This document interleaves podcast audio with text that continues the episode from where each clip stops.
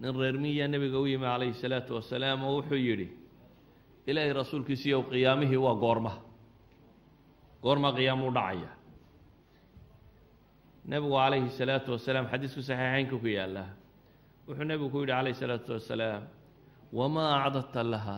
Oo maxaad aduu qiyaama u diyaarsatay? Goortuu dhacaya iska daayo berri hadduu dhacyo hadduu saa dama dhacee adigu maxaad u diyaarsatay? Buu nebigu yidhi calayhi salaatu wasalaam wuxuu yidhi wax badan oo camalo umaan diyaarsanin ilaa annii uxibu allaha warasuulah ilaahay iyo rasuulkiisaan jeclahay buu leeyahy dabeetana nebigu wuxuu yidhi calayhi salaatu wasalaam innaka maca man axbabta. Kuwaad jeceshaad ma coodatay. Yacni qofku majliska uu jecelyahay iyo dadka uu jecelyahay inuu la fadhiisto waxay u badan tahay aakhiro kuwaana in lagula soo xaadiriyo hadday shaqadaadoo dhamm noqoto kubadda inaad daawato iyo kubadda aakhiro miyaad jeceshay in kuwa kubadda lagula soo xaadiriyo. Hadday shaqadaadoo dhamme aflaan inaad la fadhida iyo kuwa noqoto miyaad jeceshay kuwa in lagula soo xaadiriyo. Shaqadaadoo dhammi fadhi ku dirir iyo meel dad lagu xamanayo muslim lagu laynayo inaad ka warantaa tahay. Miyaad jeceshay in kuwa lagula soo xaadiriyo. Aakhiro qofku wuxuu la soo xaadiraa maca man axbab. Nin caabida oo dadkii hore ka mid ah oo dadkaba intuu iskaga tegay sawmaco samaystay oo sawmacada laba daba ka dhigoo xagga sare ku cibaadaysta. Ayaa hooyadii u timi. Dabeetana salaad buu ku jiray. Hooyadii baa u yeedhay yaa jurayj bay tidhi. Dabeetana wuxuu yidhi hooyo iyo salaadda salaaddii buu iska watay. Maalin kale u timi haddana sidii bay u yeedhay. Salaad isagoo ku jiro ninkani salaadunbaa buu u taagan yihi salaaddii buu iska waday. Mar saddexaad baa u yeedhay salaaddii buu iska waday. Islaantii way ka cadhooto way habaartantay. Ilaahay uu xambariyey bay tidhi alle adiga wejiga dumarka xunxunha ku tuso. Waalidka waxaan kula talin lahaa inaanay carruurta habaarin. Habaarkaygu aniga biyaa looga dhigaya waxba lagama dhigo. Balaayuu noqdaa waxaa dadka dhib haysataa habaar waalid baa u badan baan isleeyahy cuquuqta waalidkuna waalidka la ixtiraami waayo warkiisa la dhegaysan waayo. Ninkani waa salaad wuxuu kala dooranayaa. Salaadda laakiin sunno ahayd. Salaadda waajibkaa lagama baxo. Laa taacata limakhluuqin fii macsiyati alkhalq salaadda waajibkaa cidna loogama baxo. Ama salaad sunno ah haddaad ku jirto oo hooyada halka ka yeedha ama abbaha yeedho waxaa kugu waajiba inaad heer tidhaahdo iyaga inaad ajiibto salaadda ka baxdid sunnaa la wadi maayo. Salaad baan ku jiriyo warkaasi ma jiro. Hadday islaantu halkaa ka yeedho adigoo salaad sunnaa iskaga jira waa loo jawaabaya. Hadduu aabba yeedhana waa loo jawaabaya. Jurayj wuxuu isku adkeeyey salaad. Salaad buu ku caasiyey hooyadii. Way habaarto waxay tidhi ilaahay waxaan kuu baryay dumarka xunxun wejigooda in alla ku tuso. Reer banu israa'iil iyo qoladii unbaa waxay isweydweydiiyeen jurayjkanoo waa kanoo waa nin cibaado badanoo waa kanoo naag aada u qurux badan laakiin quruxdeeda bala ku qabto oo suuqa gashay. Ayaa tidhi jurayjkaa sheegaysaan anaa fitnayn karaa ma samayn kartid baa la yidhaha bal igu daya bay tidhi jurayj bay u soo isu soo bandhigtay. Jurayj cibaadadiisu hooyadii baabuu la hadli waayey ma naa kaluu danka leeyahy cibaadadiisu iska watay waa u juuqi waayey. Jurayj markuu la hadli waayey ayay dhoobi ama qowsaar kan xoolaha raaca oo xero ka hoosaysa halkan xoolaha ku xaraysta ayay isu dhiibtay. Ninkaasay iskala seexatay ilmay dhashay.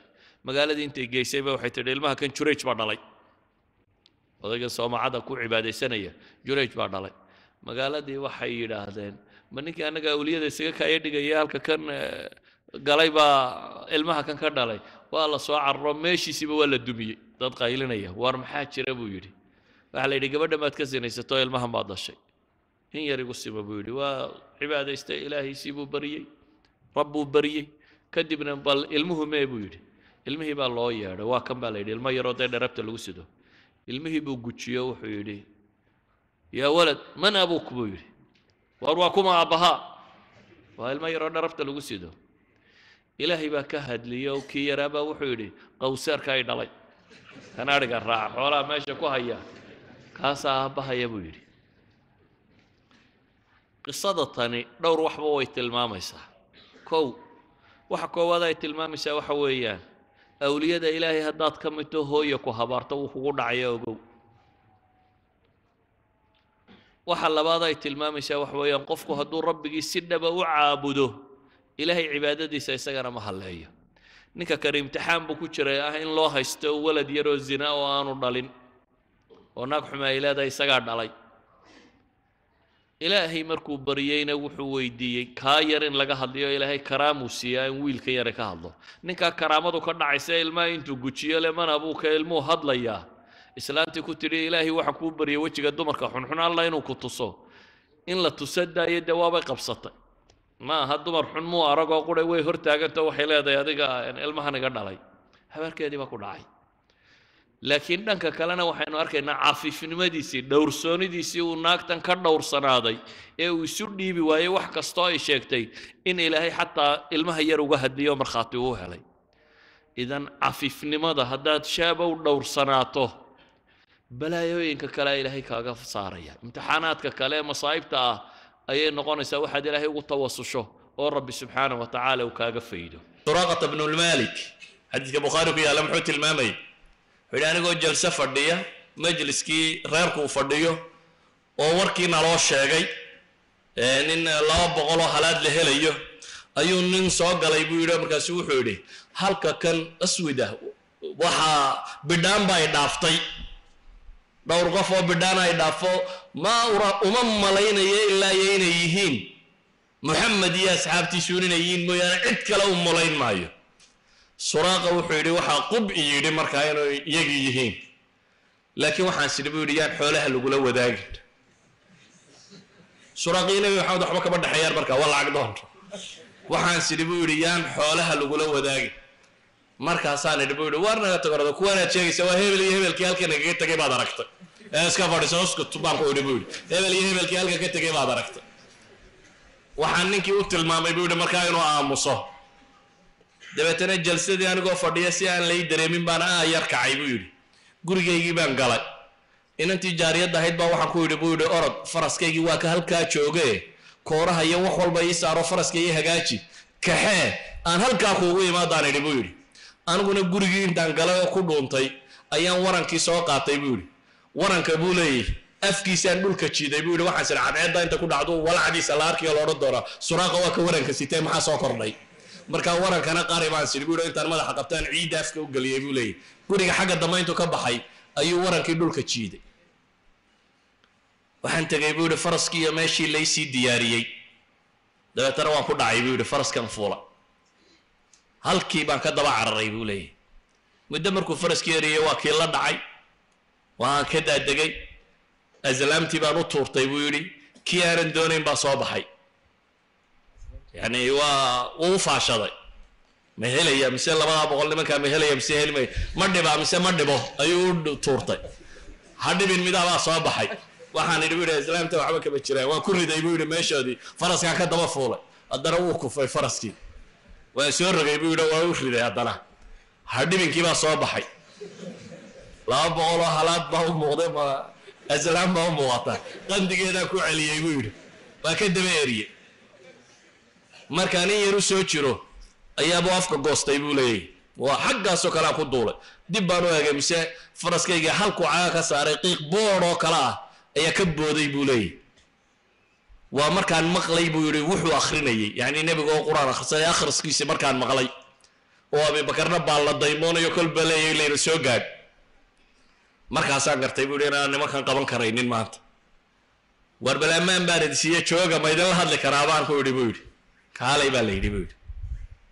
Faraskaygii baan soo kaxaysto waan la hadlay waxaan ku yidhi buu yidhi nimayow dee anugu waxaan is lahaa labadaa boqole halaadaad ku guulaysatid laakiin waxaa ii muuqata in aad nabadgelaysaan waa idin nabadgelinaya ee ammaan wariqatu ammaan ii qora. Inaynu hadhow kala nabadgalno idina idan waxba damba ii raacin.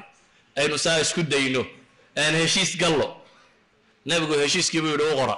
Heshiis baa loo qoray amni in la siiyo heshiiskii baa warankayga yaraa gashaday buu yidhi. Dabeetana waxaan ku yidhi buu yidhi geelaygiiba halkaa hore jooge aan bahladaydan idinka saaro leeb leebkaa qaato oo xoolahaygii wax ka sii kaxaysta. Xadiidka imaamu axmed suu sheegayo. Xadiidka bukhaari laftiisu si caama buu u sheegayaa wax idin siiyo. Laa xaajata lii fiiha buu nebigu ku yidhi. Adduun dooni maayo waxba kaamar qabo akfi canna. Ha naga warramaynuun dib buu suraaqa u noqday dabeetana wixii ka hor yimaado yidhahdaa xaggan anaa idinkaga filaaday cidiina kama jirtee meelaha kale ka raadiya xadiidka saxiixa ah nin carbeed oo reer bani bazaara ah ayaa nebiga u yimi calayhi salaatu wasalaam. Nin carabo cad buu ahaa. Xaaskiisuna gabadh cad bay ahayd. Xaaskiisiibaa waxay u mushay. Ilmo madow.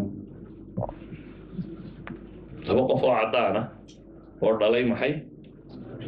Ilmo madow dabeetana nebigu u yimi tuhmaa gashay dee ninkii nooc mashaki haddii imka dee adiga iyo salaadaadu labadiinuna madowdiin ilmo caduuna dasho. Oo madaxa iyo xiribu cadiyin dabeetana intuu u tegay nebiga buu yidhi ilaahay rasuulkiisiiyow ina imra'atii waladat ghulaaman aswada. Gabadhaydii wiil madow ilmo madow bay dhashay buu yidhi. Nebigu calayhi salaatu wasalaam ninkan caqliyan buu waa qanciyey tusaalu siiyey wuxuu yidhi geel ma leedahay markaasuu yidhi haa.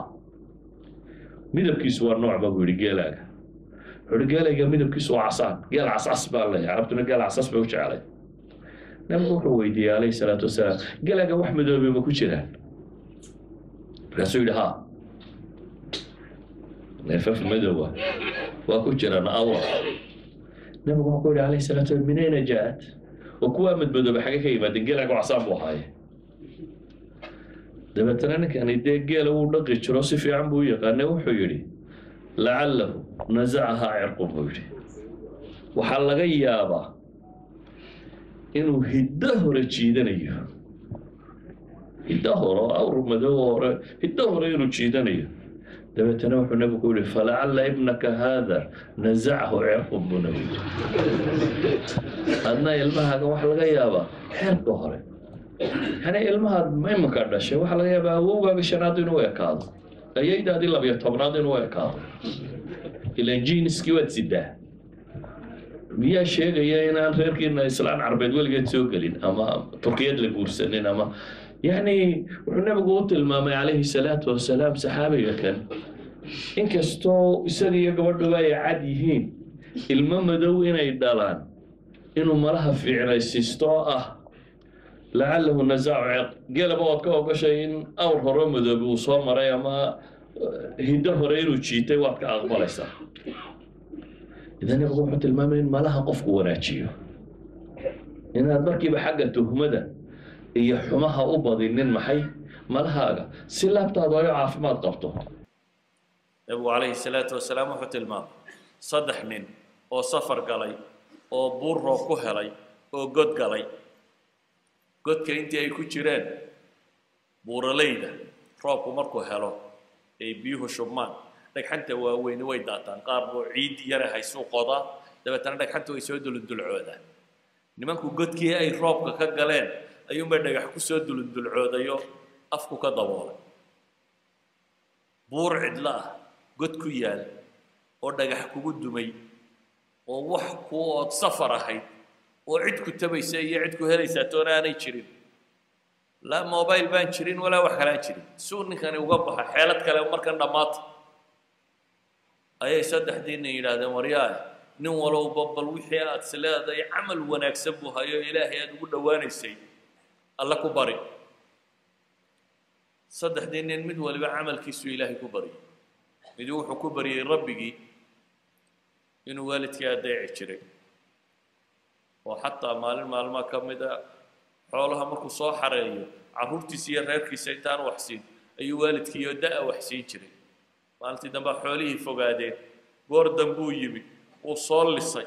Markuu la dil yimi buu u yimi labadiisii waalidoo hurda dabeetana wuxuu is yidhi carruur iyo cid hore waxaa siinay waalidka u horraysi wuu la dul fadhiistay inta badan dadka waaweyn hurdadoodu dawa iska labaatan labaatan daqiiqo qofka markuu da' gaadho wuu yaro seexdaa waa soo toosaa waa yaro seexdaa waa soo toosaa ninkan ilaahay baa ku itixaamay waaba soo toosi waayey. Sidoo uula dul fadhiyay caanihii baa waagu u baryey caanuu xalay lisay oo islahaa mar uuna indhaa kala qaadaan hana toosinin hurdadooda ha iska hurdaan. Laakiin markay indhaha kala qaadan aad siisid buu lahaa. Dabeetana waagaa ugu baryay siduu ula dul fadhiyey dabeetana ilaahay buu baryaya wuxuu leeya yaa rab waad ogtay inaan dartaa sidaa u samaynayay oo aan waalidkay sidaa ugu samafalayay ilaa u dhagaxaa naga fay buu yidhi. Dhagaxii in buu hanqada. Laakiin in laga bixi kara maaha. Mid kale ilaahay baryey wuxuu ku baryey inuu shaqaale u shaqeeyeen oo dabeetana xoolahoodii uu siiyey oo midi uu ka tegey. Xoolihii uu midi qaadan waayey. Oo ninkii iska tegey. Oo beri dambe uu soo noqday. Oo uu yidhi warriyo xoolahayga isii wixii aan kuugu shaqeeyey isii dabeetana xoolo buur dhan daaqaya. Ayuu yidhi ariga halkaa daaqayo dhan adaa le kaxayso war igu cayaarinaya intii maalintayduuna shaqaystay intayduuna sii buu leeyahy. Wuxuu yidhi intaadii intaad shaqaysatay xoolihii aan rogrogayay ku biirtay. Dabeetana intaasay kuu goysay wixii aad ka tagtay wakaase ilaahu waad ogtay buu leeyahay ammaano daraaddeed ninkaa waxoogaaga yar ii dhiibtay wixiisii intaan u badiyey oo u rogrogay inaan adiga daraadda u siiyey waxaasoo adduuna ammaanu sheeganaya ilaahu naga fayd in kalea ilaahay ka fayday. Weli lagama wada bixi karo. Saddexdu xadiis kuwa kala horhoraysiinayaaye siduu kala horreeyay umayna sheegin kanka saddexaad wuxuu sheeganayaa gabadh inaadeertiiya oo uu jeclaaday inay jirtay. Dabeetana gabadhaa inuu isku dayay si kasta inuu ku helo way diidday gabadhii diidday oo abaari ku dhacday oo baahan baa u timi markaan abaar baa hayso waa baahatay. Dabeetana wuxuu yidhi sukay dhiib xoolana waan ku siinaya. Wuxuu u ballan qaaday inuu nuskiilo dahab u siiyey nuskiilo dahaba nuskiilo dahabi waa imise de waa kuus dhan oo lacaga waa xoola aad u badan.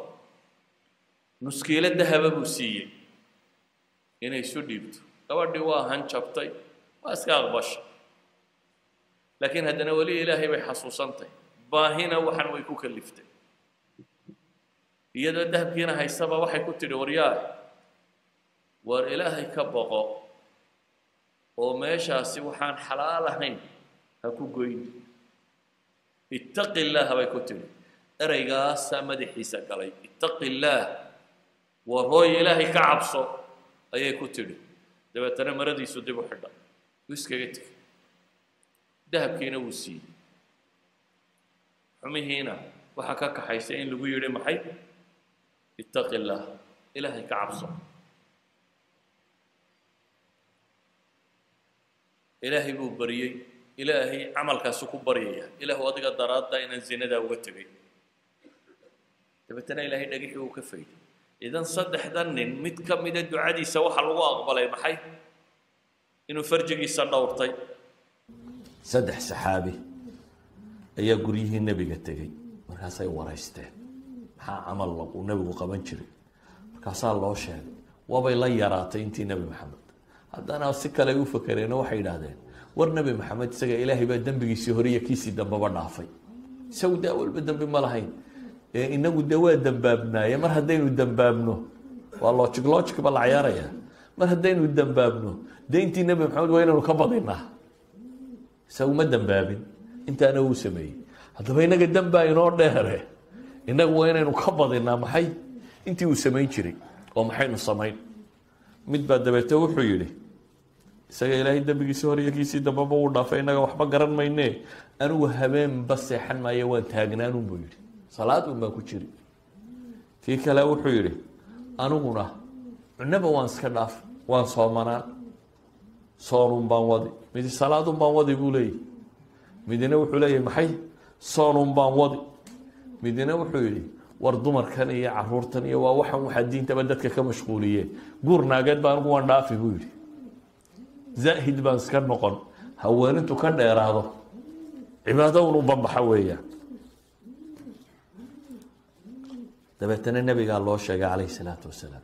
Nebigu nimankiiba u yeedhay. yihi antum aladiina qultum kada wakada wakada war ma idinkaa nimankii waxaa sheegay.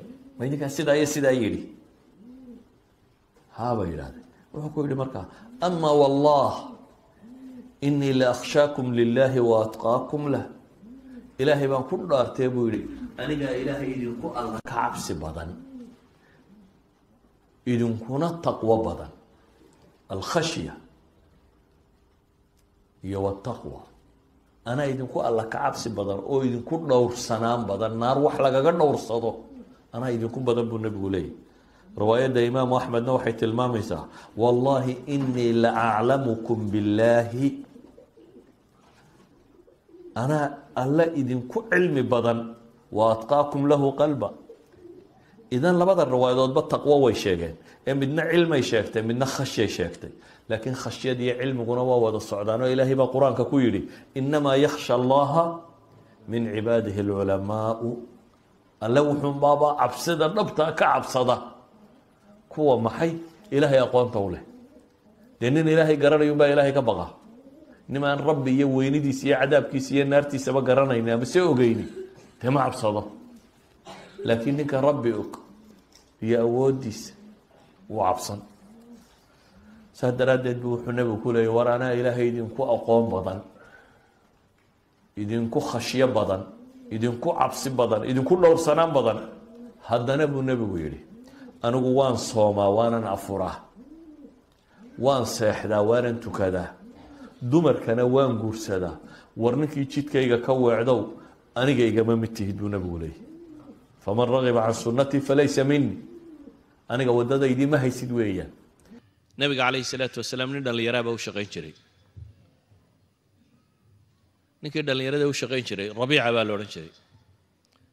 Ayaa wuxuu ku yidhi nebigu alaa tazawaj alaa tazawaju ay alaa tatasawaju xadiidka imaamu axmed baa warinaya maad guursatid markaasaan idhi buu yidhi ilaahay rasuulkiisiiyo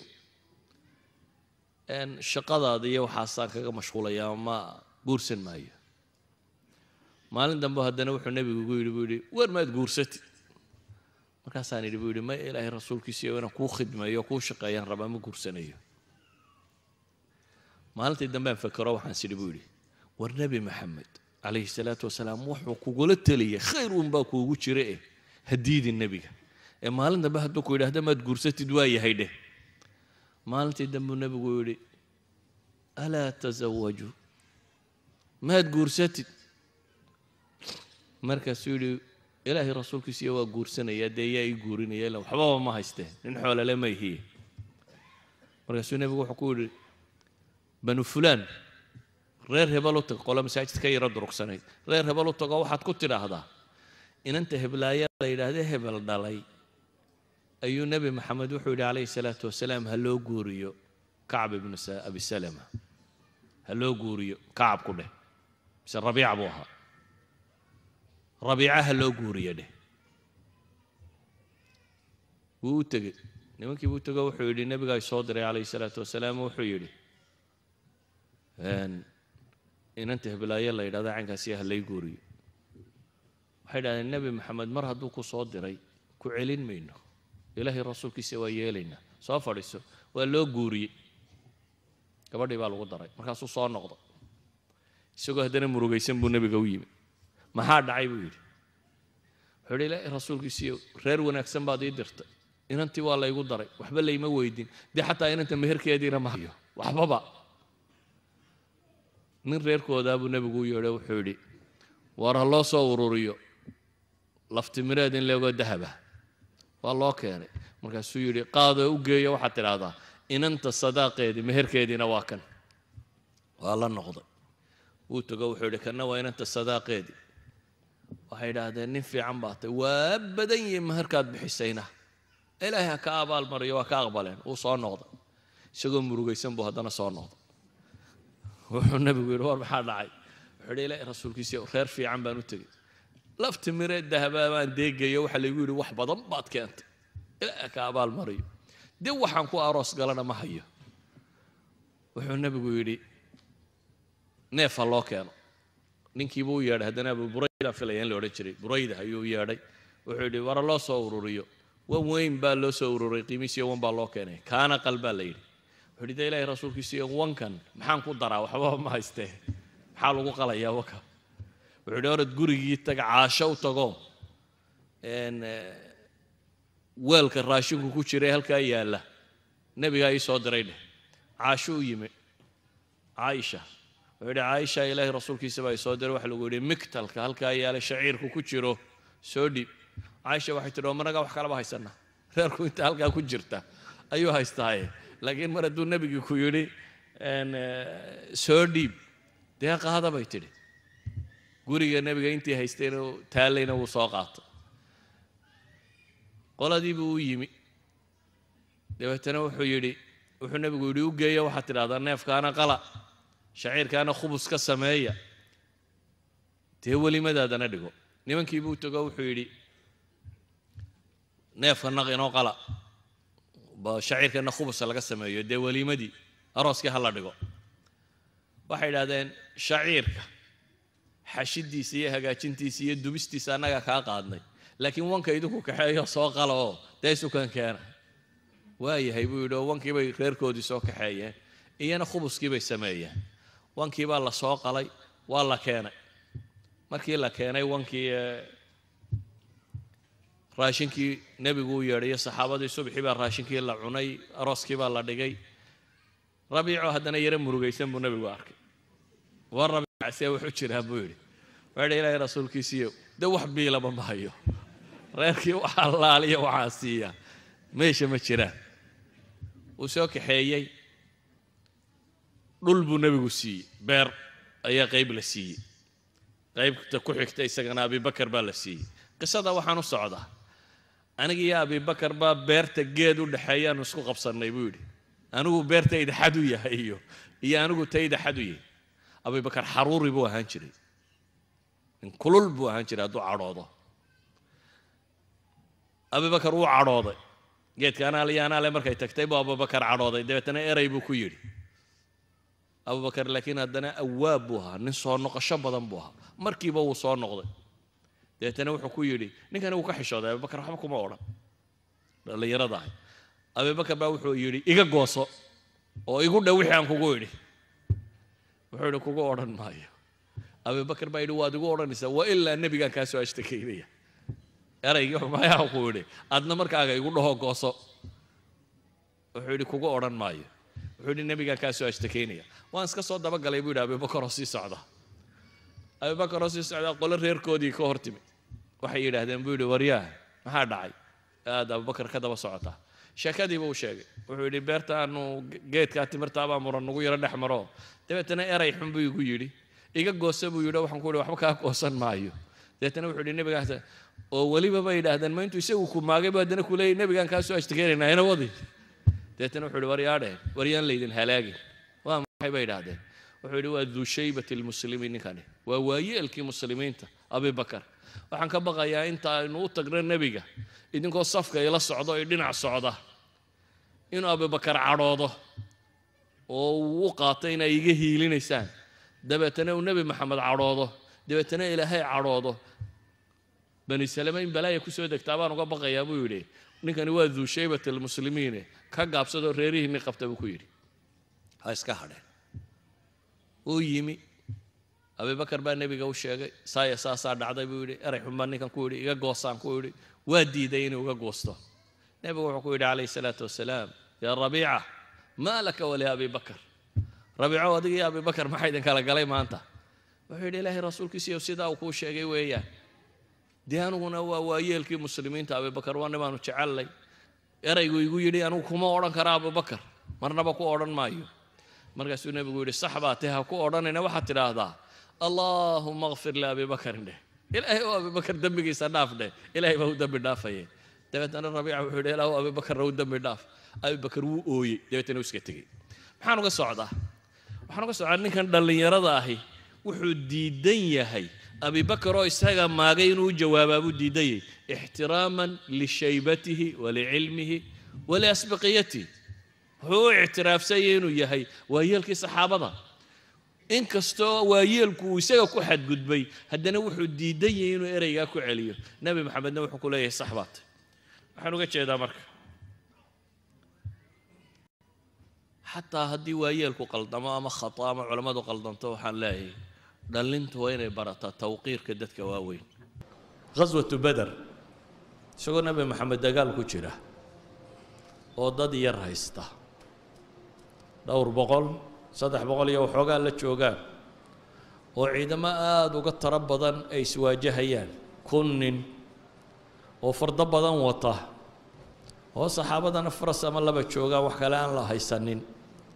Yacni laba ciidan oo isu dhigma aan ahayn iyo xadiidka muslim waxaa soo hijrooday xudayfe iyo aabbihii. Xudayfa bnulyamaan iyo aabbihii iyo musaafiriina soo baxay. Dabeetana quraysh baa qabatay ciidankii quraysheed baa qabtay. Xaggaa ku socotaan bay dhahen waxay idhaaheen madiina. Waxaa la yidhi inaydan ciidanka maxamed ku soconin ballan maqaadisaan baa kuma soconno bay dhaheen madiinaanu qabanaynaa. Waxaa lagu soo daayey bishard inaanay nebi maxamed la soo dagaalgelin dabeetana way soo baxeen. Nebiga u yimaadeen calayhi salaatu wasalaam oo ciidan yar haysta waa maalintuu nebigu ilaahay baryo lahaa ilaah oo casaa kooxdan yar haddaad halaagto dunida dib lagugu caabudi maayo. Ducadii nebi maxamed bay ka mid tahay markuu ilaahay baryayey ilaahu intani hadday maanta dhimato. Yacni diintani waa iga dabar go'aysaa buu nebigu leeyahy calayhi salaatu wasalaam. Rag maalintaasuu u baahanaa isagoo sidaa rag ugu baahan buu xudayfa u yimi iyo wada socda. Waa idhaa ilaahay rasuulkiisiiyo quraysh baana qabatay laakiin quraysh waxaanu gallay ballana ah inaanu madiine ku soconno aanan adiga ku imanaynin kula dagaalgelaynin maxaanu yaallaa? Wuxuu ku yidhi nebigu calayhi salaatu wasalaam insarifa iska socda. Nafii lahum bicahdihim wanastaciinu allaha calayh. Iyagana ballankoodaan u oofinayaa buu nebigu yidhi ilaahayna waan kaalmaysanayaa haddaa ballan gasheen qabta magaaladiinni madiine qabta waa sababta baa la yidhaha xudayfa bnulyamaan dagaalkii beder aan uga qayb gelin isagii aabbihii toona. Saasay iyagu madiine ku aadeen oo dagaalkii beder aanay ka qayb gelin. Sababtu waa maxay? Isagoo nebi maxamed raba inaan la odhanin qof muslima ballan uu galay buriyey. Qof muslima ayaa ballan uu galay buriyey si aan loo odhanin. Saxaabadu siday ballan uga dadaalayeen iyo waxay ku abibakar maalintuu madaxda noqday buu wuxuu yidhi intuu istaagay. War yaa nebi maxamed wax u ballan qaaday oo uu ka geeriyooday intii aanu ballanka oofin jaabir ibnu cabdillaahi istaago yidhi aniga maxaa lagu ballan qaaday. Wuxuu yidhi xoolaha baxrayn markay yimaadaan saddex jeer buu nebigu caynkaa yidhi waan kuu darayaa kuu darayaa kuu darayaa. Kaalay buu ku yidhi waa u daray. Markuu u daray buu ugu shubay.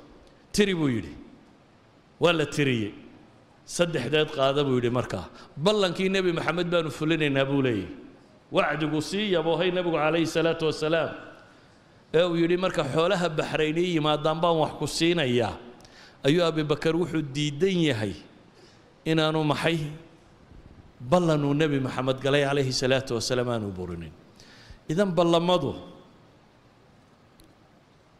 waxay ahaayeen diinta islaamiga wax ku adag maanta nolosheennana waa wax ku fudud. Ama ha noqoto cuhuuddaynu ilaahay la gallay oo dad badanee agtooda aanay ahmiyad buuran ku lahayn ee hadduu dan yaroo maadiya arko uu ka baxayo. Waxaa taa ka sii daran waxaynu ballan dhexdeenna gallay. Ha noqdo qabaa'ilku ballankay galaan salaadiintu ballankay qaadaan cuqaashu ballankay qaadaan ee reero kale la galaan siyaasiyiintu ballankay galaan shaqaaluhu ballankay galaan. Waxaan oo dhammi waa cuhuud ilaahay khalqigiisa lala gelayo. Waxaasoo cahdiyo diin ahaan. Markaad yees tidhiya aada aqbashay bay waajib kugu wada noqdeen. Maka iyo madiine iyo carabtii meeshaa joogtay. Khamriga way cabbi jireen markii islaamku soo degay. Markuu islaamku soo degay khamriga waa xaaraan lama odhan ee iyagoo muslim ay cabbi jireen. Saxaabada taqaana rag badan oo ka midi shan iyo toban sannadood bay cabbayeen. Saddex iyo tobankii sane maka la joogay iyo laba sano madiine la joogay shan iyo toban sannadood bay cabbayeen. Yaa cabbayey? Dee xamse iyo sayidu shuhadaa iyo sacd ibn abi waqaasi raggaa taqaano. Weeyaan ragga khamriga cabbayey. Waayo xalaal buu markaa u ahaa waxaanu ahaa khamrigu tijaarada ugu badan ee laga tijaareeyo ereyga taajir haddaad aragta bay yidhaahdaan wakhtigaa wuxun baa loo isticmaali jiray. Ninka khamriga iibiyuunbaa taajir ahaa. Yani xoolo kaasunbaa ka dharagsanaa. Wuxuu lahaa meelo calan laga taago. Wuxuu ahaa yani caadaadka ugu tirada badan lee bulshadu ay leedahay dadkan diintoodii iyo iimaankoodii baa la dhisay. Kadibna waxa soo degay qur'aan leh waa rijsun min camali shayطaani fاjtanibuuh waa qurun. Shaqo shaydaan ka mide fajtanibuu ka fogaada. Waa erayo. Booliis lama dalban xabsiya lama sii dhisin wacyigelin kale lama samaynin dadka looma yeedhin. Mujarad iyagoo cabaya oo u fadhiya weli ayaa kii dhawaaqayay dhawaaqay. Isagoo le alaa ina alkhamra qad xurimat war yaadhaheen war khamrigii waa la xaaraanimeeyey waxay idhahdaan kuwii kooba beegaga haystay lagu cabo dib umay kaban oo iska dhigeen. Kuwii afka ku haystay afka intay ku hayeen may liqine way tufeen. Wixii weel ku jiray waa la qubay. Bale weelashaa la jejabiyey weelasha khamriga lagu samayn jiray waxa la yidhi burburiye. Weelasha khamrigaa la burburiyey waxay dhahay magaalada madiina suuqyadeedii khamrow dareereen khamri ayuu dareeray. Khamrigii markuu joogsaday maxaa joojiyey? Waxaa joojiyey waasic diiniya iimaan qalbiga galay iyo dad kaloo dareemay ilaahay weynidiisa iyo aakhiro dambaysa iyo noloshan inaan lagu waaraynin iyo alla kacabsi galay baa baabi'iyey. Walidalik ayaa xadiidu imaam alciraaqiyi sanadkiisa jayid ku sheegayo waxau tilmaamayaa xadiidku إida araada allahu bicabdi khayra jacala lahu waacida min nafsihi ya'muruhu wayanhaa qofka ilaahay hadduu khayr la doono naftiisa ayaa looga sameeyaa mid wacdiya oo wanaaggana fara xumahana ka celiya